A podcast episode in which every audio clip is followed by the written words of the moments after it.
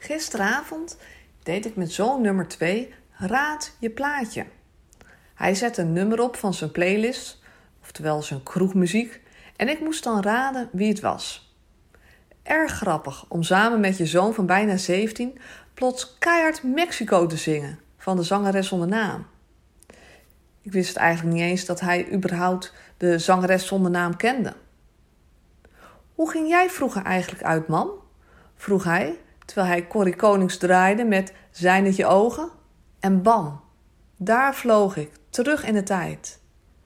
Ik vond mezelf terug in een witte feesttent in een weiland bij ons in het dorp.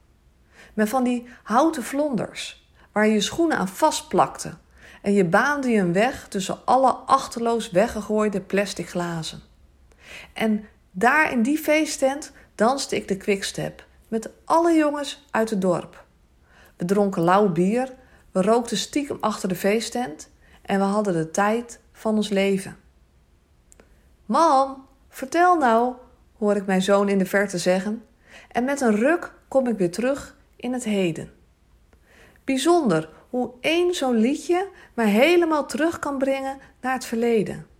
Ik hoorde de geluiden en ik rook bijna de geur van dat verschraalde bier wat nu eenmaal in zo'n feesttent hangt. En even voelde ik mijzelf weer het meisje van 15. Mooie herinneringen die je direct een goed gevoel geven. En tijdens hypnose zetten we ook vaak herinneringen in.